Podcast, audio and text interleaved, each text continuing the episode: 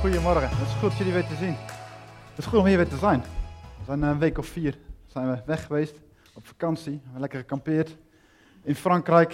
We zijn in Spanje geweest, in de Pyreneeën, in het Spaans Baskeland. Het is gewoon heerlijk, even ertussenuit. Even tijd voor rust, ontspanning, tijd voor elkaar. En dat is altijd goed. Misschien ga je ook helemaal niet op vakantie dit jaar. Misschien juist wel. Zijn er mensen op vakantie geweest? Heel veel, ja. Zijn er mensen die hier op vakantie zijn, op de Veluwe? Misschien? Nee? Dat, gebeurt bijna niet meer, hè, tegenwoordig. Nee, iedereen gaat allemaal in die auto naar Zuid-Frankrijk, hè? Ja. Okay. het is gewoon goed, naast tijden van inspanning, ook tijden van ontspanning. En niet alleen, denk ik, in de zomer, maar ook gewoon door het jaar heen. Gewoon tijd voor elkaar, tijd van bezinning. Dat is altijd goed en opbouwend. Jezus deed dat ook in de Bijbel. En ik denk dat hij dat ook aan ons heeft meegegeven. Niet voor niks gezegd. Eén rustdag in de week. Dat is gewoon goed om dat te hebben, denk ik. Ik ga het hebben en ik ga verder met waar we al een tijdje mee bezig zijn, met hart.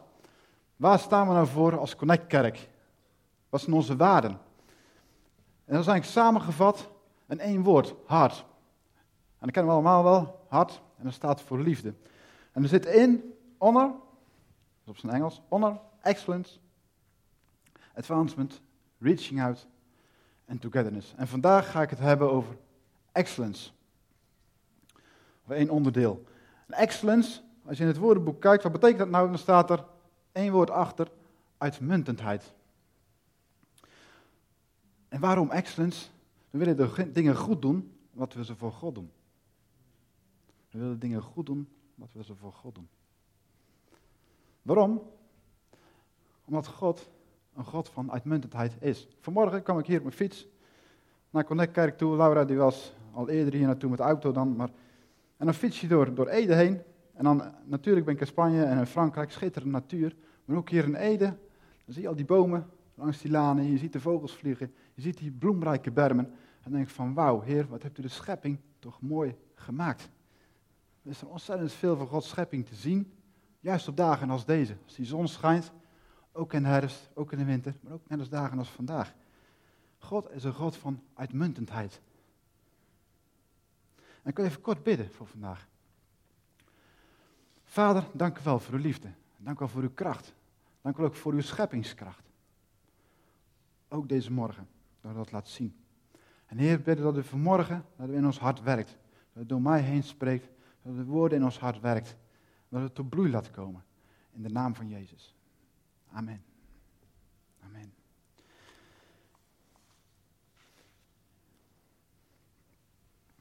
En vanmorgen wil ik eerst naar Johannes 2 toe gaan.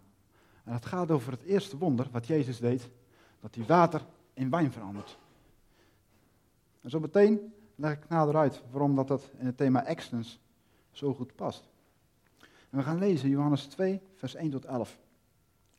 Allereerste wonder van Jezus. Op de derde dag was er een bruiloft in Cana in Galilea. En de moeder van Jezus was er. En ook Jezus en zijn leerlingen waren op de bruiloft uitgenodigd. En toen de wijn bijna op was, zei de moeder van Jezus tegen hem: Ze hebben geen wijn meer. Wat wil u van me? zei Jezus. Mijn tijd is nog niet gekomen. En daarop sprak zijn moeder de bedienden aan: Doe maar wat hadden jullie zegt, wat het ook is. En nu stonden daar voor het Joodse reinigingsritueel zes stenen watervaten, elk met een inhoud van twee à drie mitraten. En één mitrate, dat is 40 liter. Dus één zo'n vat is ongeveer 80 tot 120 liter. Zeg gemiddeld 100 liter. Er stonden zes van die vaten. Dus totaal gaat er om 600 liter water wat er staat. En Jezus zei tegen de bedienden, vul de vaten met water. En ze vulden ze tot de rand. En toen zei hij, schep er nu wat uit en breng dat naar de ceremoniemeester. En dat deden ze. En toen de ceremoniemeester het water dat wijn geworden was proefde, hij wist niet waar het vandaan kwam, maar de bedienden die het water hadden geschept, wisten het wel, riep hij de bruidegom. En hij zei tegen hem, iedereen zet zijn gasten eerst de goede wijn voor. En als ze dronken zijn, de minder goede. Maar u hebt de beste wijn tot nu toe bewaard. Dit heeft Jezus in Cana en Galilea gedaan als eerste wonderteken. Hij toonde zo zijn grootheid en zijn leerlingen geloofden in hem. Ik vind het zo'n bijzonder verhaal. Jezus die water en wijn verandert als eerste wonderteken, als een van de eerste grote acties die hij deed. Jezus was 30 jaar oud ongeveer. En hij had nog een paar jaar, zeg maar, waarin hij eigenlijk een heel grote missie had te volbrengen. En wat was die missie? Die had God op zijn hart gelegd dat hij Gods schepping zou bevrijden. Dat hij Gods liefde zichtbaar zou maken voor alle mensen. Nou, als ik die missie had gekregen en ik had daar in die tijd geleefd, dan denk ik dat ik heel zenuwachtig was geworden. Dan denk ik van, hoe moet ik al die mensen bereiken in hemelsnaam? Wat moet ik als eerste gaan doen? En denk dat ik allerlei plannen zou gaan maken. En dat ik volgens alles wat ik had geleerd op school, allemaal gestructureerd, hoe dat we het allemaal aan gingen pakken, wie we allemaal gingen benaderen, hoe we het netwerk gingen opbouwen. Maar Jezus doet het heel anders. Hij had die enorme missie om Gods liefde te laten zien. Wat deed hij als eerste? Hij nam de tijd om naar een bruiloft te gaan, 150 kilometer verderop. In die tijd. Nou, daar doe je ruim een week over om daar te komen in die tijd. Is ongeveer 20 kilometer per dag wat ze reisden. En die bruiloft die duurt nog eens een week. En vervolgens weer terug. Dan zou je denken, Jezus, waarom doe je dat op die manier? Toch? Met die grote missie die hij op zijn schouders had. Maar Jezus deed precies het juiste op het juiste moment. Dat was zijn kracht. Altijd het juiste doen op het juiste moment. Want hij steeds in contact stond met de Vader.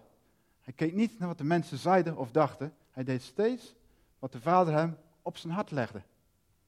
Dat is zijn kracht. En dat laat hij hier als eerste zien, waarbij hij water in wijn verandert. En dat is een heel bijzonder teken, want water staat voor zuiverheid, staat ook nog voor het oude verbond. Die wijn, die staat voor het nieuwe verbond. Dus dat is eigenlijk al een teken, wat Jezus laat zien hier, dat hij water en wijn verandert. Dat is al een soort van vooruitblik naar wat hij gaat doen. Naar wat hij gaat doen.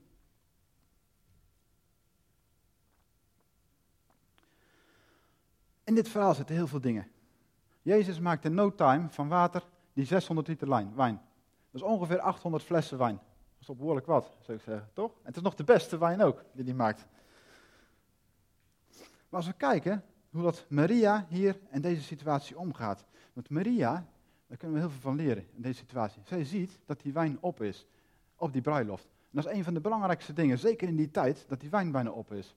Dus zij geeft dat aan Jezus aan. Dus ze constateert het, dat is één stap. Ze stelt het probleem vast en ze gaat ermee naar Jezus. Vervolgens geeft Jezus haar een antwoord. Mijn tijd is niet gekomen. Eigenlijk laat hij al zien van, hé, hey, ik heb een veel grotere roeping nog. Nog een veel groter ding te doen. Maar goed, ze legt het bij Jezus neer.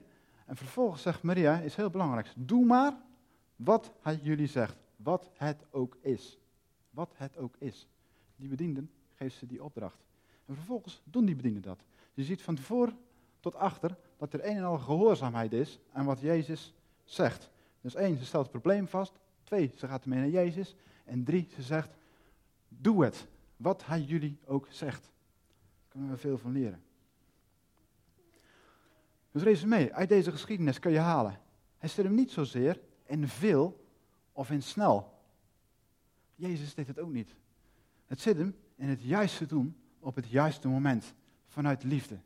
Niet meer, zijn we wel eens geneigd om te doen. Zeker ik, als ik naar mezelf kijk. Ook niet minder. Precies het juiste. Dat is excellence. Dat is excellence. En daar mogen we in groeien. Daar mogen we in groeien. Juist op de plek waar je bent gesteld. Waar je nu opgroeit, waar je nu leeft. In je gezin, in je familie, misschien in je vriendenkring, in je studieomgeving, op je werk. Juist op die plek. Juist op die plek mag je Gods liefde zichtbaar maken. Juist op die plek mag je het juiste doen op het juiste moment. En we gaan naar Johannes 15.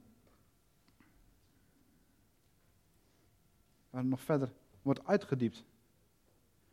En dan gaan we eigenlijk naar de grondstof van wijn. Wijn wordt gemaakt van druiven, toch? En dan gaan we lezen Johannes 15. Daar zegt Jezus, ik ben de ware wijnstok en mijn vader is de wijnbouwer. Iedere rank aan mij die geen vrucht draagt, snijdt hij weg. En iedere rank die wel vrucht draagt, snoeit hij bij, opdat hij meer vrucht draagt. Jullie zijn al rein door alles wat ik tegen jullie heb gezegd. Blijf in mij, dan blijf ik in jullie. Een rank die niet aan de wijnstok blijft, kan uit zichzelf geen vrucht dragen. Zo kunnen jullie ook geen vrucht dragen als jullie niet in mij blijven. Jullie hebben niet mij uitgekozen, maar ik jullie. En ik heb jullie opgedragen om op weg te gaan en vrucht te dragen, blijvende vrucht. En wat je de Vader in mijn naam vraagt, zal Hij je geven. En dit draag ik jullie op. Heb elkaar lief. Heb elkaar lief. Dan ik de evangelie in een notendop. Heb elkaar lief. God lief boven alles, je naaste als jezelf. Een heel simpel zinnetje. Hoe een uitdaging is dat. Hier gaat het over hoe belangrijk het is als je als rank, en dat zijn wij, bent aangetokt, getakt op die wijnstok. En die wijnstok staat voor Jezus. En Jezus is hier behoorlijk scherp. Hij zegt ook, aan iedere rank die aan mij, aan mij die geen vrucht draagt, snijdt hij weg. Iedere rank die wel vrucht draagt, snoeit hij bij. Dus er wordt ook gesnoeid en ranken die wel vrucht dragen. En dat voelt niet altijd fijn. Sterker nog, dat kan behoorlijk wat worsteling of strijd geven. Maar dat hoort erbij om uiteindelijk weer meer vrucht te dragen. En als we inzoomen op die druiven, op die vrucht, die grondstof van wijn, dan zien we heel veel verschillende soorten druiven die er zijn. En ik heb een paar foto's meegenomen om het een beetje beelden te maken. Nog een beetje een vakantiesfeer. Rivka, misschien kan de eerste foto laten zien. Yes. Dit kennen we misschien wel. Als je regelmatig in Frankrijk komt, dan zie je hier een wijnveld. We hebben ze heel veel gezien. Omgeving Bordeaux zie je ze volop. Als je naar de volgende gaat, dan zoomen we in op zo'n zo'n wijnstruik. Hier zie je zeg maar zo'n rank die volop vrucht draagt. Die dus allerlei druiven draagt.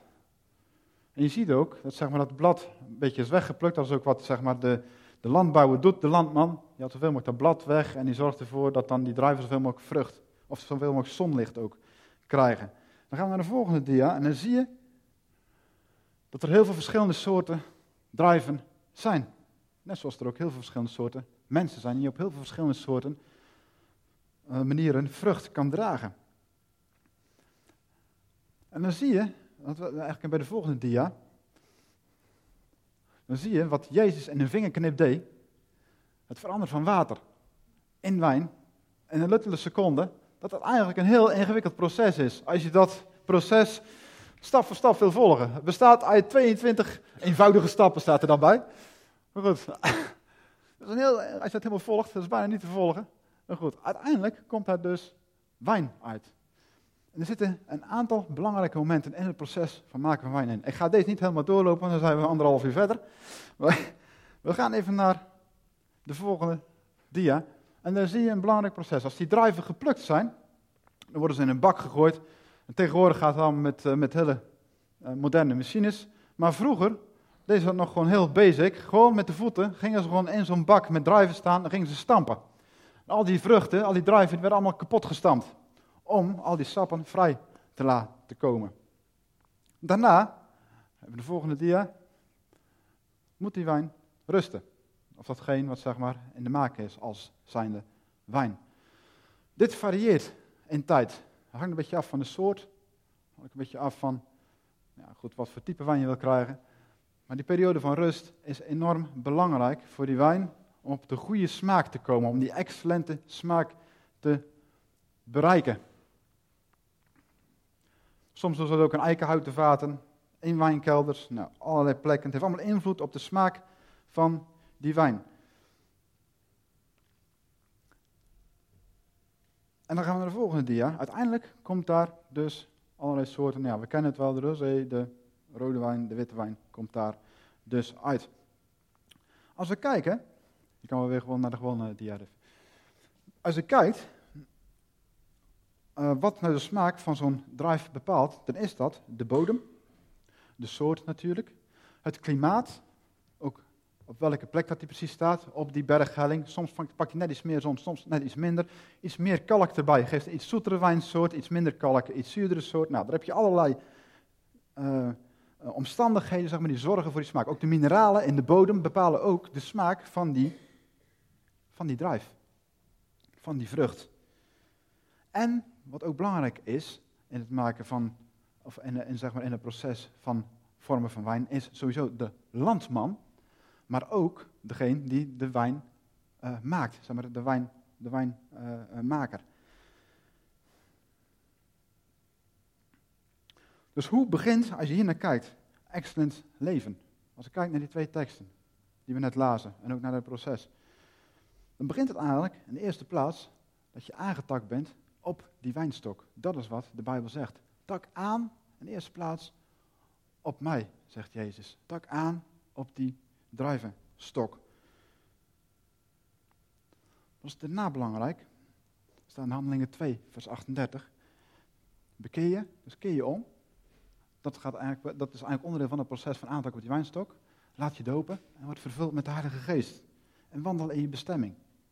Wandel in je bestemming. Als je kijkt naar excellence. Die wijn, die is op een bepaald moment, is die excellent. Die moet je niet eindeloos door laten rijpen, totdat hij hier ergens 100 jaar oud. Er zijn soorten waar het mee kan trouwens hoor. Er zijn ook soorten waar je het niet meer moet doen, die na drie jaar al op de juiste smaak zijn, op die excellente smaak. Als je hem 50 jaar langer laat liggen, dan zou ik hem niet meer drinken. dan groeien de schimmels aan alle kanten groeien eruit. Precies op het juiste moment is het goed dat die wijn gedronken wordt. Dus daarom wil ik zeggen, excellent is niet altijd dat je maar door, door, door blijft gaan. Nee, het is precies het juiste doen, op het juiste moment. En wat de sleutel daarin is, gewoon je best doen. Blijf dicht bij God, blijf dicht bij jezelf, zoals God je heeft gemaakt. Je hoeft niet meer te doen. Ik zou bijna zeggen van, doe, niet, doe juist niet meer dan waarvoor je bent bedoeld. Want je loopt anderen voor de voeten daarmee. Maar doe ook niet minder. Ga niet achterover hangen en denk maar van, oh, de anderen doen het wel. Terwijl juist jij ervoor geroepen bent. Vaak zijn degene, de dingen die je ziet om je heen en die je triggeren, zijn vaak de dingen waarvoor je geroepen bent. En leer ook van je fouten. Ik heb in mijn leven oneindig veel fouten gemaakt. Helaas, zou ik bijna zeggen. Maar het waren wel de momenten waar ik het meest geleerd heb. Zet mislukking om in succes. Dat zijn sleutels. Sleutels om verder te komen met God. God schrikt er niet van als je een foutje maakt. Echt niet. Echt niet. Het enige wat hij doet de hele tijd is gewoon wachten. Zodat je weer bij hem komt. Wij hebben de neiging als iets fout gaat, of als misschien in zonde vallen, of wat dan ook, om weg te rennen. Dat is niet wat God wil. Hij is het enige wat hij zegt, van kom bij mij. Weet je, ik kan je verder helpen. Ik heb de sleutels. Ik ben de landman. En misschien ken je dat wel, als we even teruggaan naar dat stampmoment. Zeg maar die twee momenten en de fase van wijn maken. Je hebt een stampmoment en je hebt een rustmoment. Dat stampmoment, dat fijnstandmoment, hoe dat je het ook mag noemen, dat is niet altijd fijn. Misschien herken je dat wel in je leven. Er zijn vaak periodes in je leven waar je wordt aangevallen, waarin de worstelingen plaatsvinden. Wanneer je als het ware wordt uitgeknepen. Dat voelt niet altijd fijn. En ik, maar God heeft er altijd wel een bedoeling mee. En ik kan een paar voorbeelden van noemen. Als je kijkt in de Bijbel naar Petrus. Petrus er op het moment, eigenlijk vlak voordat Jezus wordt verraden, dat Jezus tegen hem zegt van Petrus, jij zegt nog wel dat je me alles volgt, maar voordat de haan drie keer gekraaid heeft, dan zal je mij verloochenen. En Petrus zegt nee, nee, dat gebeurt niet meer. Ik ga altijd, ik ga altijd achter u aan. Ik zal alles voor u doen. Dat zegt Petrus, toch? We kennen hem wel. Is ja, altijd overal, hij zal het wel even doen. Ik herken dat heel erg bij mezelf trouwens hoor. Maar uiteindelijk, die, voordat die haan drie keer heeft gekraaid, liegt Petrus dat hij Jezus kent. En op het moment dat hij dat heeft gedaan, kijkt Jezus naar Petrus. Hij kijkt hem aan. En wij kunnen die ogen ons niet voorstellen hoe dat Jezus Petrus aankeek. Maar Petrus brak op dat moment. Hij zag gewoon de liefde in de ogen van Jezus. En hij zag gewoon van, ja, weet je, Heer, u hebt gelijk. Wat u zei, dat klopt. Weet je, ik kan het niet uit mezelf. Dat was voor Petrus een persmoment. Maar uiteindelijk, uiteindelijk is Petrus de eerste die opstaat na de uitstorting van de Heilige Geest. We kennen dat moment wel, waarop in de Bijbel, waarop, waarop wordt gesproken dat de Heilige Geest wordt uitgestort over discipelen als ze aanbidden zijn. Waarop ze in tongen beginnen te spreken. Dat iedereen zegt van, oh, ze zullen wel dronken zijn. Waarop Petrus als eerste opstaat en zegt van, nee, ze zijn niet dronken. Wat jullie hier zien, is de Heilige Geest die is uitgestort. En dan begint hij te getuigen van Jezus. Weet je, die Petrus die eigenlijk Jezus verloochend heeft, hier staat hij op en getuigt hij van Jezus. En uiteindelijk komen er 3000 mensen tot geloof in één keer en laten zich dopen. Dat is toch geweldig? Dan zie je hoe dat God werkt, hè? Dat God werkt. Dat God werkt. Dus dat was een persmoment. Er zat een rustmoment tussen. En uiteindelijk, dan zie je hoe dat die wijn, excellence, en wijn staat in de Bijbel voor datgene wat Gods hart verheugt, wat mensen hart verheugt. Hier zie je dat die wijn vrijkomt op het juiste moment. Peter doet precies het juiste het juiste moment. wat er daarvoor gebeurde, dat was een heel proces. Dat was een heel proces. Als we kijken naar Jezus zelf, dan ga ik zo naar een afronding. Als je kijkt naar Jezus zelf, dan zie je het hele proces eigenlijk op een heel andere manier. En dat wil ik echt vanuit eerbied zeggen. Jezus werd als het ware ook ja, fijn gestampt aan het kruis. Toch? Door al die mensen, al die fariseeërs, al die schriftgeleerden, al die mensen die allemaal dachten op dat moment, de religieuze leiders van dat moment, van we weten het allemaal wel en wat Jezus vertelt klopt er niks van. En ze gingen zo ver dat hij gekruisigd is. Al die mensen van die tijd. Hij is, ja, als het ware, fijn gestampt. Met eerbied zeg ik dit. Daarmee gaf hij zijn bloed, zijn lichaam. Dat staat voor die wijn. Uiteindelijk geeft dat verlossing. Uiteindelijk is dat wat Gods hart verheugt, die wijn. En is het wat de mensenharten verheugt. Als ik kijk naar mijn eigen leven, je kent ze misschien zelf ook wel. De fijnstampmomenten. De momenten waar je wordt samengepest. Dat voelt niet altijd fijn. Ik heb het zelf in een, een ja, ik zou heel veel dingen kunnen noemen. Ik noem één kort ding. Ik heb uh, een keer een, een breakthrough conferentie gedaan, dat is al een jaar of tien terug. Waarbij je met 50 mensen in een hok wordt gestopt. En uh, waarbij je gewoon allerlei uh, leuke uh, oefeningen te doen krijgt. Jullie kennen dat wel, weet je wel, dat de mensen achter je gaan staan, dat je gewoon zo, en dan vervolgens met je ogen dicht, laat je maar naar achteren vallen. En vertrouwen erop dat die mensen achter je, dat die je opvangen. Dat soort dingen. Of mensen om je heen staan, dat je... Maar ook gewoon allerlei andere oefeningen, van, variërend van elkaar aankijken, vijf minuten achter elkaar. Hebben we het wel eens gedaan trouwens? Iemand vijf minuten recht in de ogen kijken, zonder iets te zeggen. Dat is een uitdaging. Moet eens kijken wat er gebeurt. Hoe vaak kijken we maar een paar seconden elkaar aan? Oh goed, dat is even... Maar tijdens die conferentie was er een moment ook van uh, zonde uh, beleidenis. Dus dat je zeg maar dat je, dat je, dat je gewoon, de muziek was vrij hard, dus dat was gewoon tussen jou en God. Waarbij je gewoon alles wat tussen jou en God in de weg staat, uh, mag ja, zeg maar, benoemen. Dus dat deed ik en er kwam van allerlei rommel uit, wat ik niet had verwacht. Maar goed, dat is altijd zoals het vaak gaat. Het was echt, dat voelde absoluut niet fijn. En kon, na die tijd kon ik nauwelijks opstaan. Er moest iemand anders naar me toe komen, moest mijn hand geven. Vervolgens voelde ik een kracht in mijn benen en kon ik weer door. Klinkt allemaal een beetje vreemd. Maar goed, als je het meemaakt, het was voor mij heel reinigend, laat ik het zo zeggen. Het was echt een fijn moment. Maar daarna had ik een soort van rustfase. Weet je wel, die wijn in die vaten. En uh, op dat moment, toen begon God uh, tot me te spreken in mijn hart. En hij gaf me echt mijn hart dat het gewoon goed was om als eerste stap naar mijn vader toe te stappen. Naar mijn eigen vader, om vergeving te vragen voor een aantal dingen die ik, niet, die, die ik gewoon niet goed had gedaan. En hem ook vergeving te schenken. Dat was een van de moeilijkste stappen, toch wel, denk ik, achteraf gezien, in mijn leven. Dat heb ik een behoorlijk uitlopen stellen ook, moet ik zeggen. Dat zijn niet de dingen waar je nou het meest naar kijkt. Maar goed, uiteindelijk hebben we dat wel gedaan. En dat heeft me zo, dat heeft zoveel vrijheid gebracht, sowieso ook voor jezelf, maar ook in die relatie met mijn vader. Maar daardoor ook naar heel veel andere mensen. Op een of andere manier is het allemaal met elkaar geschakeld. Dat is heel bijzonder hoe dat God daarin werkt. En ik heb ook naar andere mensen vergeving uitgesproken. Na dat fijnstandmoment, na die rustfase. En vervolgens kwam dus die wijn vrij, zeg maar. Dat excellente wijn. Schijnbaar was dat het juiste moment, de juiste tijd om dat te doen.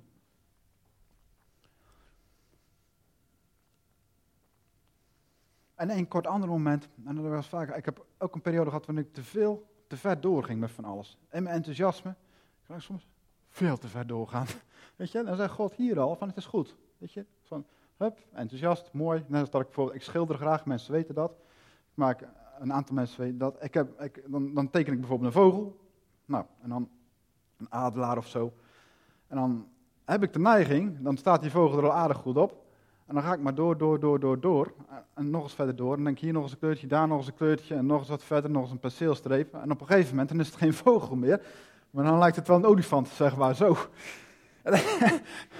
Maar ergens had, was het hier, was het al goed, zeg maar. Hier was het gewoon oké. weet je, hier had ik al mijn talent en mijn denk had vanuit mijn gevoel geschilderd. Met alles wat ik wist, alle kleuren, hier had ik plezier erin. En hier was het gewoon oké. Als ik toen had gezegd van het was klaar, het was oké, streep eronder, had ik plezier erin gehad. Hadden mensen die het hadden gezien, hadden plezier erin gehad. Ik ging door. En nog eens door. En dan probeer het nog recht te trekken. Misschien kan je het wel. Nou, als je iets begint recht te trekken wat hier al scheef is gegaan, vooral met schilderen, dat gaat niet goed komen. En dan zit je hier en dan ja, uiteindelijk kom je op een product wat je maar best in de prullenbak kan gooien. Yes? Dus dat, dat, dat wil ik echt meegeven. Van, stop ook gewoon op het juiste moment. En dan is het, zijn er andere mensen die het oppakken en ermee doorgaan. Of is het gewoon oké.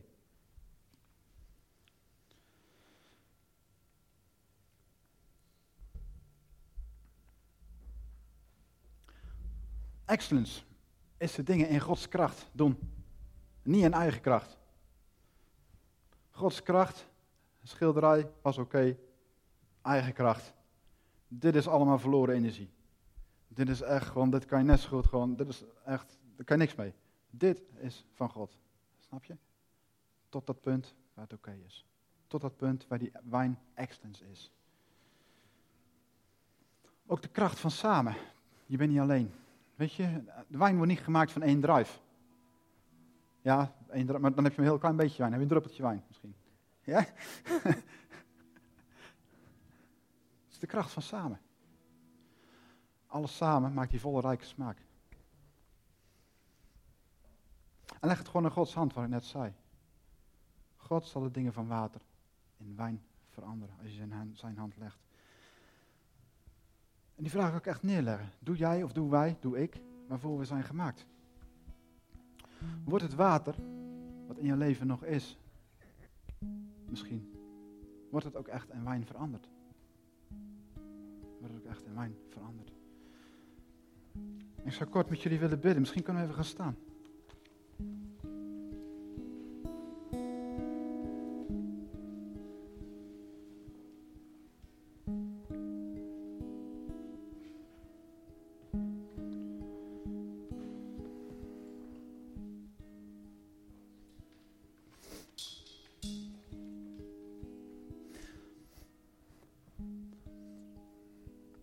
Misschien is het goed om als eerste kan ik twee dingen doen.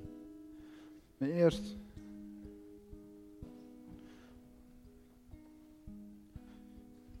Laten we gewoon eerst doen wat in Johannes 15 staat. Gewoon. Aantakken op die wijnstok, op die druivenstok. Als je het nog niet hebt gedaan.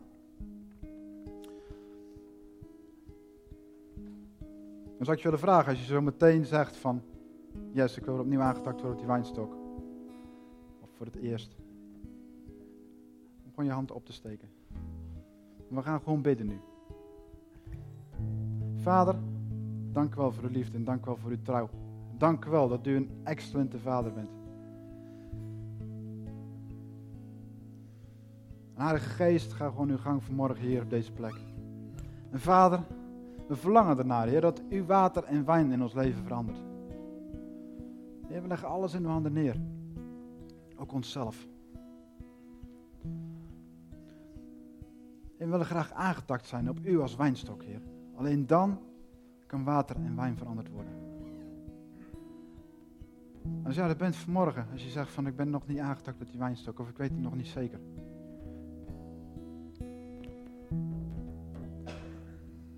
Dan zou ik je willen vragen, steek gewoon je hand op. Wat wil je laten zien aan God? Ik wil vragen aan mensen om gewoon de ogen gesloten te houden. Maar gewoon je laten zien. God, van Heer, ik wil weer opnieuw aangetakt worden op die wijnstok. Voor het eerst of opnieuw. Steek gewoon je handen omhoog. En dan gaan we gewoon bidden. En zeg me maar gewoon na. Als je dat wil. Vader in de hemel. Zeg maar gewoon na. Vader in de hemel. Dank wel dat van me houdt. Vergeef me alles wat niet van u is.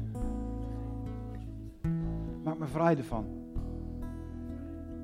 Vul mijn hart met u, Heer Jezus. En ik kies voor u, Heer. Je takt me aan op die wijnstok. En ik wil u volgen. Amen. En stap 2, laten we doen wat Maria deed. En dat kan je steeds opnieuw doen. Dus benoem het probleem, breng het bij Jezus